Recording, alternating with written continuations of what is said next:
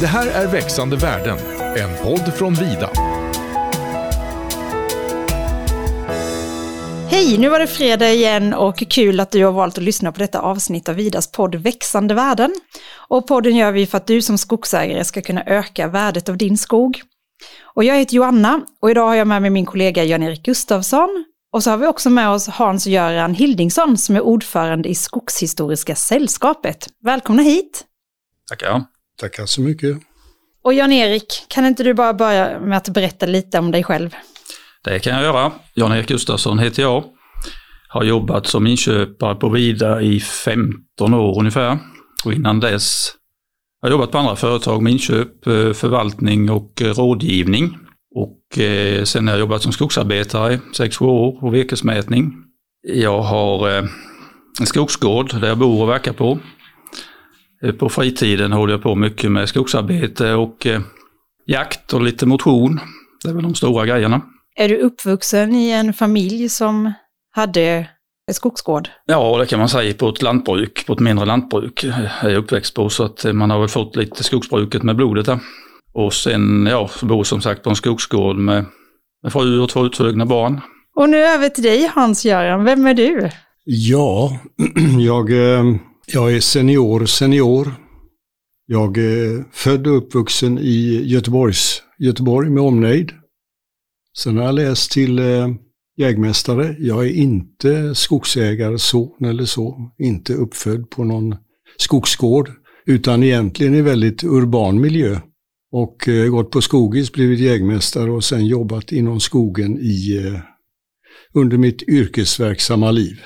Jag har till och med varit här och förhandlat en gång med Vida. Där ser man. Från Skogssällskapets sida. Mm. Där jag jobbade 25 år drygt.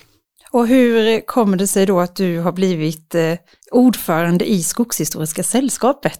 Eh, lång och enveten kamp, antagligen. Det vill säga företaget Skogssällskapet, de har varit med från början, från starten. Alltså Skogshistoriska sällskapet bildades 1990 på initiativ av eh, Kungliga Skogs och Lantbruksakademin och med stöd av Näring och Akademi. Man kan säga att det var ett antal människor som tyckte att skogshistorien var för dåligt dokumenterad. Så att 32 år sedan så bildades eh, Skogshistoriska sällskapet och eh, det företag jag då jobbade i, Skogssällskap, det gäller att hålla isär ja. begreppen här, det är oerhört lika varandra. Men Skogssällskapet är ju ett skogsförvaltande företag och de visar redan från start stort intresse för det här bildandet. Och det gjorde att vi eh, vi hade en styrelseplats mer eller mindre i styrelsen och den fick jag ta hand om någon gång efter 20, eh, slutet på eh, 1990-talet. Och sen så småningom så, eh, så jag har varit med i styrelsen sedan dess. Och jag blev sen ordförande och har varit i drygt tio år. Och vad är det Skogshistoriska sällskapet gör? Det är ju ett eh, rikstäckande, en ideell verksamhet, rikstäckande med eh, drygt 1500 medlemmar. Och eh, vi, eh, vi dokumenterar och kunskapssprider skulle man kunna säga. Vi vill lyfta fram skogshistorien så att eh, medlemmarna och ännu fler blir varse hur vi har eh, nyttjat skogen genom århundradena. Vilken livsnödvändighet det har varit, kan man på sätt och vis säga. Skogen har ju varit en förutsättning för att vi ska kunna leva och verka. Så den tidningen ni fick av mig nu precis, Tidender, den kommer ut fyra gånger om året. Och nu i första numret här så presenterar vi årets exkursionsprogram. Så vi arrangerar i år bortåt tiotalet aktiviteter där vi pekar på skogshistoriska företeelser och skogskultur, vad ska vi kalla det? kulturmiljövården i skogen kommer med och överhuvudtaget hur vi lever och levde med skogen. Och varför är det så viktigt att vi sprider den här kunskapen? Ja, vi tror att det är ganska nödvändigt. Vi blir så historielösa annars. Vi är ganska historielösa. Men, eh, och det tror vi vi kan förbättra och det vore fel att inte dokumentera eh, så som vi har gjort under åtskilliga år med många ideella krafter och på många olika sätt och även, e, även inom forskningen så medverkar man ju till att eh, dokumentera. Nej, jag tror det är Jag tror det är mycket värdefullt för kommande generationer att se hur vad till exempel orsakade utvandringen i slutet på 1800-talet? Varför flydde vi i sån mängd västerut? Ja, det var vi kunde inte leva, vi blev för många. Vi minns Karl Oskar hur han slog spettet och det bara högg i sten. Då gav han upp och gav sig västerut. Det är dramatiskt. Det är dramatiskt, det var Ja. nog väldigt dramatiskt. Ja, oerhört. Mm. Och stora man- konsekvenser. Ja, verkligen. Och det landskapet som de levde i då med små åkrar och små hagmarker och kor som betade på skogen. Var ju ett helt annat landskap än det vi ser idag. Kör man nu kors och tvärs inom Götaland så är det ju, alltså granskogen växer tät in på vägkanten nära på. Så här var det inte för 50, 60, 70, 80, 100 år sedan. I min barndom så uppfattade jag landskapet var ju mycket öppnare. Mycket mer använt, mycket mer nyttjat. Många bodde på landsbygden. Det gör vi inte längre på samma sätt. En liten fråga, där. när var det som bäst med natur och vår kultur egentligen? Vilket århundrade eller vilket årtal anser ni det var det, det bästa landskapet och finaste? Och man har många utbildningar och då, då ska vi återskapa, men vad är, vad är det vi ska återskapa och vilket, ja, vilket sekel eller när i tiden hade vi enligt er det bästa? Ja, jag Lands, landskapsbilden. Ja, jag förstår vad du menar, men jag vet inte om vi har utsett det exakt. Men jag ska gärna ta frågan vidare med mig. Men alltså det här eh, lite eh, öppna eh, haglandskapet och ängen, det är ju ganska mycket värdefulla eh, biologiska miljöer, naturmiljöer. Sen eh, den rena granskogen är ju inte så spännande i, ur den aspekten. Den är spännande på andra sätt. Och det visar sig ju nu med Mats Lindblads senaste bok. Vi ska för övrigt ha en exkursion kring det i september i Lönsboda. Granen eh, har mer kvaliteter än vad vi kan tro eh, biologiskt. Alltså den, eh, den drar många arter till sig av insekter och växter och så. Men eh, ja, vad tycker du själv? Nej, jag vet inte faktiskt, men det, det var ju fint klart när djuren betade i skogarna och många levde på sina jord och skogsbruk och höll markerna öppna och, och så. Det, det var klart det var en fin ti- tid och fina landskap. Det drällde av morkulla antagligen i det landskapet. Bara för att ta ett enda exempel. Nu blir jag lite nyfiken här. Vi pratar om lite gran och vi pratar om ängsmark, men när kom de, eller vilka var de första träden i Sverige? Eller hur har den utvecklingen sett ut? Istiden.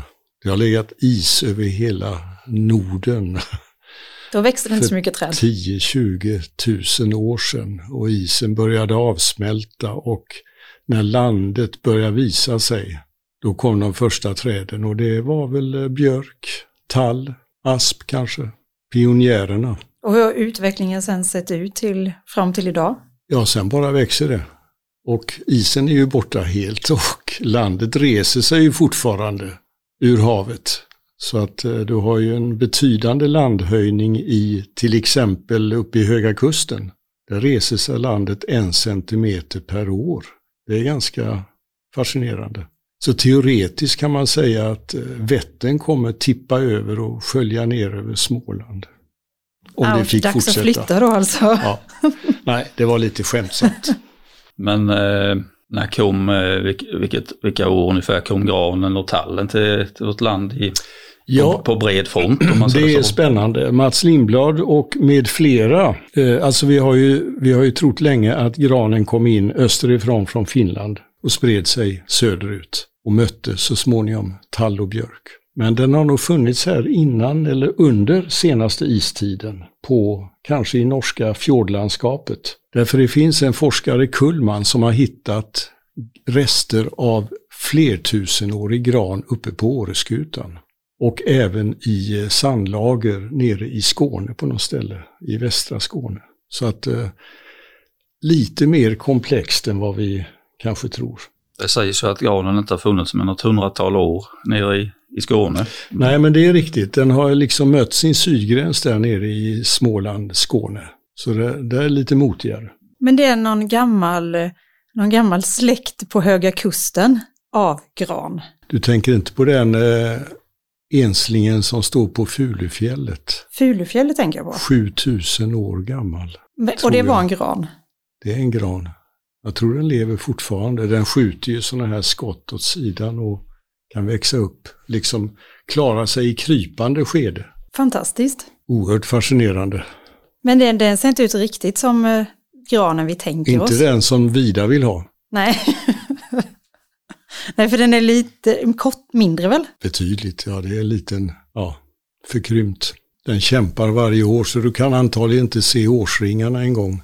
Det är så täta alltså. Eh, ni säger i alla fall på er hemsida, som jag var inne och besökte, att ni vill väcka intresse för skogens historia, och det är ju det du också har berättat, och visa människor hur, hur vi har haft nytta av eh, och påverkat skogarna under många hundra år. Men hur skulle du då säga att människor har haft nytta av skogarna? Vi kan tänka oss in i när första människorna kom till Norden. till, till, klev upp på landet som blottades när isen försvann. Skogen kom med. Det var jägarfolk. Jag kan tänka mig att skogen hade största betydelse för dem att skydda sig, gömma sig, bygga enkla hyddor kanske eller något, bara tak över huvudet. Och sen var väl skogen, gav väl skydd på det viset att man kunde överlista vilda djur som de jagade. Och sen kliver man framåt och vi eh, börjar odla. Vi börjar odla marken. Då behöver vi redskap. Ett lieskaft och ett spadskaft. Och vi behöver ved, inte minst viktigt. Vi behöver virke att bygga. Vi börjar bygga hus, enklare hus. Laggård för att husera korna vintertid. Och kanske små härbren och hölador beroende på var man är i landet. Så det är byggnation och det är värme och det är skydd. Och sen, eh, sen mer industriellt så kan man ju säga att vi har utnyttjat skogen väldigt mycket med, eh, kommer de inte i någon ordning här, men eh, vi framställde kära en period. Vi har skrivit en artikel som vi har på hemsidan, bland alla andra, om kärdrottningen i Västerbotten. Vi tog fram kära och exporterade fyllde på tunnor som till och med kunde flottas i älven ner till kusten. Virkesåtkomst, alltså för att eh, såga, så som Vida gör här, och, och sälja sågade trävaror. Det har vi hållit på med under större delen av 1800-talet. Och man kan väl säga att det fick sin höjdpunkt i slutet av 1800-talet. Jag tror Sverige var bland de största exportörerna av sågade trävaror 1870. Och då kan man eh, notera att det, vi brukar prata om en så kallad timmerfront som gick över Sverige från sydväst ner från Norge, Värmland och upp genom landet. Där man helt enkelt letar upp de grövsta träden och de eh, arbetar man upp, flottade ner till kusten, sågade upp och exporterade eller använde. Så det har ju varit otrolig nytta. Det var mycket till England. Då läste jag någonstans, va? Ja. vi har ju mycket export till England så det var rätt så häftigt ja. att eh, de här första gick stora mängder till just till England. Just det, ja, det har De- pågått länge. De hade väl brist på skog och virke i ja, England. Som Deras skogar var väl närmast skövlade på den tiden. Ja, det tror jag. I alla fall så behöver de mycket för byggnation. Eh, sen kan man titta på en annan sak. Pottaska, företrädaren till eh, tvättmedel, krävde enorma mängder lövvirke för att framställa pottaska. Alltså du får berätta för mig vad pottaska är, för det vet inte jag. Ja, du får googla på det efteråt för Okej. det kommer ta hela resten av programmet annars om vi ska utveckla det. Kan du ge mig en mening då? Ja, alltså pottaska eh, blir, du fick ut ungefär, om jag nu säger rätt, jag vet inte exakt, men ett kilo pottaska på en à två kubikmeter ved. Då kan du föreställa dig att det, att det gick åt lövved. Och så använder Ute. man för att tvätta kläder. Ja, tvätta och eh, använda i olika kemiska sammanhang. Var det inte även mycket till glasframställning då? Ja, just det. Pottas- Stämmer. Stämmer. Salpeter. I svartkrut så ingår det, tror jag, 70% salpeter. Träkol och svavel i en viss blandning så smäller det. Och salpeterskjudare fanns det en yrkeskategori förr i tiden. De grävde upp jorden under, eh, alltså under i kostallar, eh, vad heter det? Laggårdar. Laggårdar, precis. För där var urinen samlad. Och den utvann man. Man kan tänka sig att det stank rätt mycket om de här salpeterssjudarna. De var inte så poppis i bygderna. Och de utvann den där eh, urinen genom att vattendränka och laka ur och sen skulle det extraheras så då skulle man koka bort vattnet. Krävde mängder av ved. Också någonting som skogen användes för. Och det här pågick länge och det var liksom ett kungligt dekret. Det skulle bara göras för att det behövdes krut när man krigade. Också fascinerande som inte har en aning om egentligen idag, den moderna människan. Nej, det som slår mig egentligen det är ju dels eh, hur påhittiga människan är att Ja, eh, ja. hitta på så mycket saker att utvinna ur en råvara. Och det pågår ju och, det liksom tar ju, det blir ju bara mer och mer. Nu ser vi idag hur fibern, vad den har för intressanta möjligheter. Ja, att vi kan göra plastliknande Ja. material, att vi kan göra glasliknande material och kläder. Det är ju fantastiskt. Finns det någon råvara, tror ni, som, som vi kan använda i lika stor grad som trä? Nej, det kan det knappast göra. Va? Det, den, den är nog nästan oslagbar. Så att Allt från kol till nanocellulosa. Det är, rätt, det är rätt kan- stora steg på vägen. Tycker vi kan bestämma att det är bland Ja, det tycker jag också. Ja, men då Ko- ko- gjorde vi det. Kolen var väl väldigt viktig med. Har varit under ganska långa Träkol. träkol, Just ja. det. Under Det är, långa också, ti- det är bra att du säger det, för att det är också en användning som var stor och betydande. Jag har faktiskt varit med om fem kolmilor och en Kärdal så att det kanske är Ja. därför jag fick vara med här idag. Och hur var det då? ja, det är eh, häftigt. Enormt, enormt mycket arbete runt omkring det här. Man blev ganska imponerad. Om, förr var det kanske två man som skötte det här och vi var 50, 60, 70 personer som tyckte det var jättejobbigt med lite modernare grejer. För det är en sån mila ska hållas igång i några dygn. Det är flera veckor om du har en rejäl eh, mila där så det kanske rör sig om att du ska vakta den i två till fyra veckor då dygnet runt innan den är klar så att det inte brinner ner och så, så att det är jättemycket jobb. När vi gjorde det en gång så tror de räknade på 2000 arbetstimmar till en kolmila. Och hur mycket fick ni ut då? Jag tror vi fick ut en 70-80 kubikmeter då, kol så det var en ganska stor mila. Mm. Och då tänker man ju på de här som gjorde det förr. Kanske en eller två personer skötte allt detta själva. Och det var egentligen en del av deras överlevnad. Här gjorde ni det för att det var lite kul. Mm, ja. Men här var det, förr var det ändå en, ett sätt att, för att hålla sig varm och laga mat. Och, Ja, träkolen användes ju i järnframställning. Så då, och, och eftersom den inte kunde transporteras några längre sträckor för den vibrerade sönder. Man körde ju sådana här kolbyssar, alltså med häst och vagn. Och det gick inte att gå fram på knaggliga vägar för länge för att då liksom slogs den sönder av sig själv. Kolpulver vill man inte ha, utan det var träkol.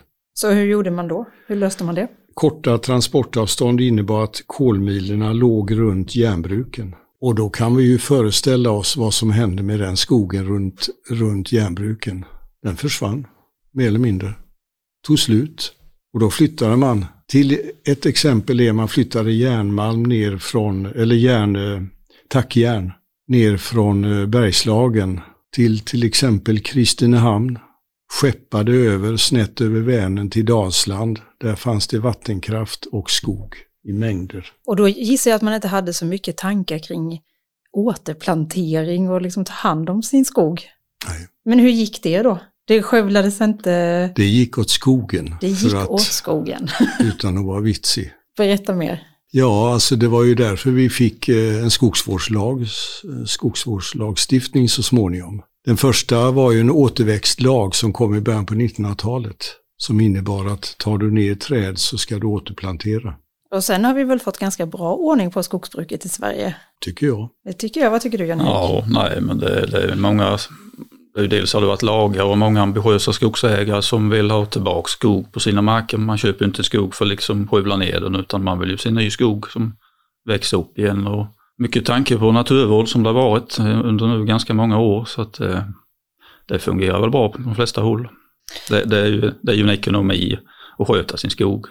Sköter du inte den så får du, får du ingen bra ekonomi. Så det går ju hand i hand med att ha en fin skog och, och sköta den.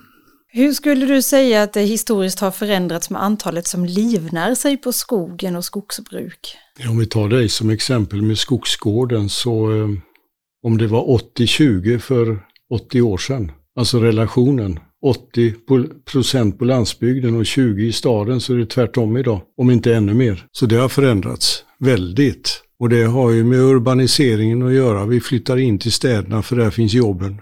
Skogsbruket har kommit som har genomgått en enorm teknisk rationalisering under, kan man väl säga, hela med start i mitten på 1900-talet och ett antal decennier framåt så blev det ju kanske en av, en av de branscher som rationaliseras, eh, rationaliserats mest tekniskt sett. Man sa på 60-70-talet, ingen hand på virket och ingen fot på marken. Och där är vi ju idag. Ja, bortsett från plantering och röjning, men i övrigt. Virkesåtkomsten är ju liksom supermekaniserad. Och berätta lite om den eh, automatiseringen från, ja, vad hade man förr då, innan såg? Såg och yxa fram till mitten på 1900-talet nästan. Jo, det stämmer ju det. Motorsågarna började ju komma då på 50-talet kanske då. Ja, tunga saker som vägde 12-15 mm. kilo. Som inte alla hade lust eller råd att köpa sådär direkt. Såg och yxa alltså ända fram till modern tid och häst. Och någon enkel jordbrukstraktor kanske. Men sen fick ju skogen en uppmärksamhet. Skogsvårdslagen fick ju en, den blev ju ny, äh, omstiftad, eller vad ska jag kalla det. 1948 års lag var ju en produktionslag. Vi skulle producera, se till att markerna utnyttjades. Och med det följde då en expansion. Det växte ju upp skogsindustri, sågverk och massaindustri. Och de behövde råvara. Så det liksom blev ju tryck på det hela, ända utifrån och ända in. Jag har ju varit med om rätt så stora förändringar med. Jag började hugga i början på 80-talet och vi fällde ganska mycket med motorsåg då, så sent som 80-talet. Då. då kom ju mycket av de här engreppsskördarna till gallring och eh, ja, engrepparna till slutavverkning med. Och det var ju början på 80-talet faktiskt, då, den utvecklingen. Alltså. Mm. Innan var det ju fällning till de eh, gamla snokermaskiner och sånt där som inte hade fällhuvud och detta. Så att där har ju skett en stor utveckling fram mm. till idag. Och jag tänker att dels har det ju gått snabbare såklart, men säkerheten måste ju också ha ökat en hel del med att slippa vara ute mm. med eh, motorsåg. Är, man, vi har ju inte kommit ifrån det helt. Det finns ju fortfarande en del fällningar av stora träd och besvärliga träd men eh, det har ju minskat betydligt och eh, det är ju bra. Motorsågen är ju ett jättefarligt redskap. Sen är det väl ett av de redskap som om jag får inflika, den enskilde skogsägaren tycker det är världens roligaste att hugga ja. tag i på en lördag förmiddag. Och det ska man ju göra, man ska bara göra det med säkerheten ja. Eh, top of mind, högst upp på agendan såklart. Men hur skulle du säga att människan har påverkat skogen genom tiderna? Varför ser den nu skogen ut som den gör idag? ju mer den växer och eh, lämnas orörd så sopar den ju igen spåren på något sätt efter människans påverkan. Men det tar ju lång tid innan vi har något som eh, kan kallas urskog eller så. Men eh, visst har vi påverkat i alla tider med det vi har pratat om här. När vi hade kreaturen på skogen så tror jag det var en ganska stor påverkan på återväxten. Alltså skogen eh, blev ganska förödd av eh, betande kreatur. Och det var väl inte bara kor, det var även getter. Och de är om möjligt ännu hetare. Jag läste någonstans att det blev något getförbud i något årtal för att de gick fram som gräshopporna ja, väl i... jag kan tänka mig det. I andra länder då, ja. att det blev förbud att ha getterna i skogen. Så det var betesskador redan då? Ja, på, grund, på, på grund av getterna då. Mm. Det var en rätt häftig lagstiftning kan man ju tycka idag. Ja. ja. Ja, sen så försvann kreaturen i skogen, det ser du inte idag. Men så har det eh, liksom brukandet av skogen högmekaniserat och då har hyggen kommit in som vi inte hade tidigare. Och det är ju ganska dramatisk förändring i landskapet. När man, jag tycker i och för sig det är välgörande emellanåt att se den täta granskogen gett vika för något annat. Inte minst när jag åkte hit idag så fina utblickar på en del ställen tack vare att man tagit ner den täta granskogen. Men finns det någon orörd skog i världen? Eller är all skog påverkad av människan? Det mesta är nog påverkat av människan. Till och med längst upp i fjällnära skogar så har ju, hittar du märken från eh, samerna, 3, 4, 5 tusen år gamla. Där man tagit vara på till exempel eh, savbarken på tallen för att äta. och få näring. Sådana spår finns. Men det, det, är liksom, det går ju inte att jämföra med ett kalhygge riktigt, men spår finns. Men vi har ju urskogsliknande områden i våra, en del av våra nationalparker, Muddus till exempel. Och sen finns det ju i det boreala bältet som går, sträcker sig över Sibirien, nordligaste Skottland, Nordamerika, Kanada. Så visst finns det, borta i Sibirien tror jag finns ganska mycket orört. Och hur skiljer inte. sig den skogen från av vår skog då, som inte är lika orörd? Jag skulle vilja se den till att börja med. Sibirien skulle jag gärna vilja åka till om det gick någon gång. Men tycker du att det finns någon särskild tid i vår skogshistoria som har satt störst avtryck på hur skogarna ser ut idag? Nej, egentligen har det varit en... Eh, skogen har påverkats hela tiden egentligen. Jag funderar på den frågan lite grann. Det går inte att säga sådär att det har varit väldigt stora saker en viss tid, tycker jag inte, utan det har, med det jag har räknat upp så har det varit skogen har ständigt nyttjats på något sätt, men på, olik, på olika sätt. Just den här företeelsen med, med järnbruken och, och kolbottnar, alltså vi, vi, vi, har ju, vi har ju riggat kolmiler i stort sett i hela landet. Och de eh, får vi vara lite observanta på idag när vi markbereder och sådär. Mm. Nej, men det är man ju. Tillsammans med odlingsrösen. Och, så det var ju en period. Nu är det inget sånt längre, utan nu tar vi ut hela träd, hela avverkningsytor. Ja, det är svårt att peka ut något speciellt. Det är olika skeenden under decennier. Något som slår mig är man tittar på en karta, en ekonomisk karta kanske som är 50 år gammal, hur mycket, mycket mer odlad mark och mindre skog det var då jämfört med idag. Hur stor skillnad eller hur mycket mer skogsmark finns det idag jämfört med för 50-60 år sedan? Jag kan ju ta ett intressant exempel. Eh, I början på 1900-talet, alltså för ungefär 100 år sedan, när man åkte häst och vagn från eh, Växjö, Ljungby till Halmstad, rakt västerut, så var man tvungen att ha med sig sådana här stegpinnar som alltså låser skacklarna. För det fanns inget virke längs vägen, alltså inget, inget trä längs vägen. Kalt. Ja, det är inte riktigt så, den bilden vi möts av idag. Ja, det är svårt att tänka dig om du åker den vägen idag. Att det, har, att det var liksom, eh, så såg det ut för hundra år sedan ungefär. Och på den tiden så eh, man hukade i stugorna och man eldade torv och det var en speciell lukt. Jag har mött några människor som är uppvuxna med den lukten i näsan och det är väldigt speciellt.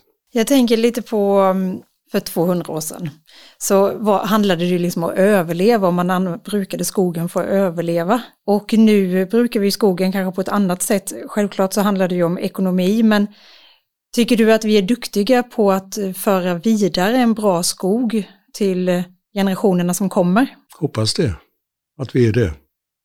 Alltså du sa bruka skogen för 200 år sedan. Man, man nyttjade skogen skulle jag snarare vilja säga. Alltså man nyttjade möjligheterna som skogen gav med virke, alltså för ved och byggnader och byggnation. Och sen var det ju även jakt, bär, alltså åtkomst av sånt man kunde äta. Ja, nej men vi, eh, jag tycker vi har, vi har ögonen på svenskt skogsbruk idag som liksom i grunden eh, tror jag ganska, ser vi väl positivt på framtiden. Tycker du att vi i Sverige då lyckas förena skogens ekonomiska värden med förutsättningar för den biologiska mångfalden och människors behov av upplevelser i skog? Jag vet inte vad övriga i styrelsen i Skogshistoriska sällskapet skulle svara på din fråga, men jag tycker i huvudsak ja. Men vi har ju ögonen på skogen. Det har ju varit intressant höst vi har eh, gått igenom med oerhörd uppmärksamhet. Och även om det liksom presenterats en och annan felaktighet så, så är det ju väldigt intressant att skogen har lyfts fram på det viset. Och eh, ja, pekat på företeelser så att jag kan inte tänka mig annat än att vi successivt förbättrar oss i synen på skogen och skogsbrukandet och i hanterandet. Vad känner du där Jan-Erik? Vad tycker du? Vi har skog som är värdefull och vi har ju som där vi verkar i Sydsverige då, jag har kanske inte åkt så jättemycket längst upp i norr, men här finns ju sån mångfald tycker jag med massa olika skogsägare och olika viljor hur man vill sköta sin skog. Och vissa vill ha mest gran och vill, någon vill ha mest löv och det är ju en sån väldig variation. Så att jag tycker att eh, det är ju ganska trevliga skogar när man kör här nere i, i det området som jag bor och verkar i. Med, med denna mångfalden och massor med olika skogsägare. Och de flesta sköter skogen väldigt bra enligt mig och värnar om naturen och lämnar över en bra skog till sina barn eller vad det nu som ska ta över fastigheterna. Så att mycket tycker jag sköts jättebra med mina ögon. Och vad är de största riskerna med skogsbruket idag eller i framtiden tror ni? Ja, det är väl det som vi har haft eh, några år kanske med stormar och insekter och lite sådana saker då. Och lite grann hur, eh, vad ska vi använda skogen till? Det är många synpunkter idag vad, vad vi ska använda den till. Och det, är ju, det är ju inte bara faror utan det är ju möjligheter också. Hur, hur kan vi bedriva skogsbruk och använda till fler produkter kanske och ersätta andra material i framtiden. Så att skogen har väl framtiden för sig, tycker jag. Börjar man med det rent skogliga så tror jag mycket på ståndortsanpassning till att börja med. Ett eh, kanske slitet begrepp men väldigt eh, viktigt tror jag. Det vill säga rätt träslag på rätt mark. Det är marken som bestämmer liksom vad man börjar med. Och sen tror jag vi ska vara observant på klimatförändringen. Den kommer nog tyvärr. Vad det kan innebära och kanske tänka lite framför så att vi är lite förberedda. Och de här skadorna du pratar om som inträffar eh, då och då, de, det kommer vi nog inte ifrån. Det kanske blir i vissa avseenden värre. Jag hade tänkt att börja avrunda, men är det någonting ni tycker att vi ska ta upp? Vi har väl pratat ganska brett om skogen och skogens historia och, och det här. Det, det är ganska intressant. Det är inte så ofta man sitter och pratar som här om den utvecklingen i skogen och det här. Det, det är ganska trevligt egentligen att tänka tillbaka lite på våra förfäder och hur de hade det och hur bra vi har det idag egentligen. Jag vet inte om vi uppskattar det alla gånger men vi har ju det fantastiskt bra. Tack vare det här skogsbruket och våra förfäder som har gjort så mycket kan man säga som, som gynnar oss. Ja, och vilken fantastisk råvara som sagt. Så många ändamål som vi kan använda skogen till. Och den kommer igen. Och eftersom nu Skogshistoriska sällskapet fick vara med här idag så vill jag bara nämna om det vi kallar kunskapsportalen. Alltså på vår webbsida så kan du gå in och läsa, ja du kan hitta över 200 artiklar som är skrivna genom åren och som hanterar nästan allt som vi har pratat om. Och var går man in då på nätet? Skogshistoria.se och jag tänker att ni är säkert välkomna fler medlemmar också. Om. Ja, så det är bra. Nu rusar vi till eh, hemsidan och blir medlemmar då. Mycket enkelt, det är bara att skicka in 350 kronor. Så är det klart. Så är det klart. Ja, vad härligt. Tack snälla för att ni kom hit idag och tack för att du lyssnade. Så hörs vi igen om två veckor. Hej då! Tackar. Det här är Växande värden, en podd från Vida.